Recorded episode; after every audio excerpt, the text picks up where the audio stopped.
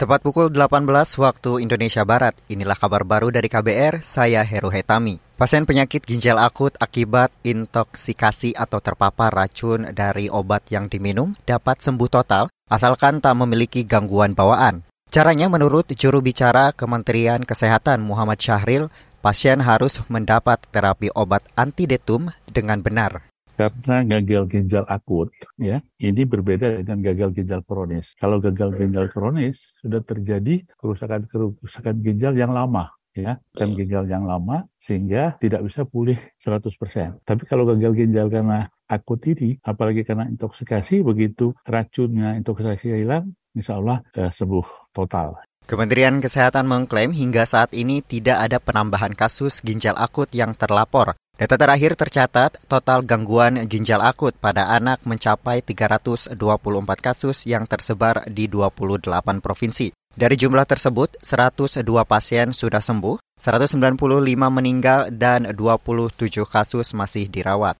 Saudara, jutaan orang tenaga kerja di tanah air terdampak pandemi COVID-19 yang terjadi selama lebih dari dua tahun. Kepala Badan Pusat Statistik BPS saat ini terdapat 1,98 persen penduduk usia kerja yang terdampak COVID-19.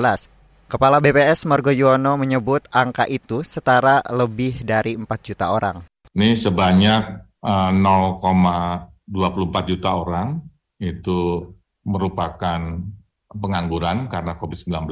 Kemudian 0,32 juta orang itu kategori bukan angkatan kerja yang karena COVID-19, juga sebanyak 0,11 juta orang sementara tidak bekerja karena COVID-19 dan mas dan masih sebanyak 3,48 juta orang penduduk ya yang bekerja itu mengalami pengurangan jam bekerja karena COVID-19 gitu ya.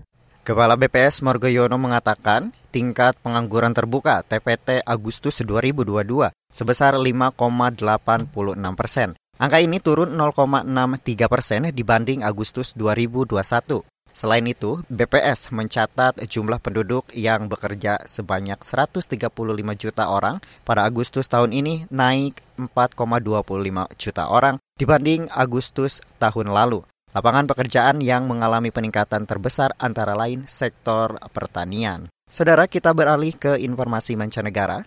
Komisaris Tinggi Perserikatan Bangsa-Bangsa PBB untuk Hak Asasi Manusia OHCHR Volker Turk menyentil salah satu orang terkaya dunia Elon Musk setelah menjadi pemilik baru raksasa media sosial Twitter.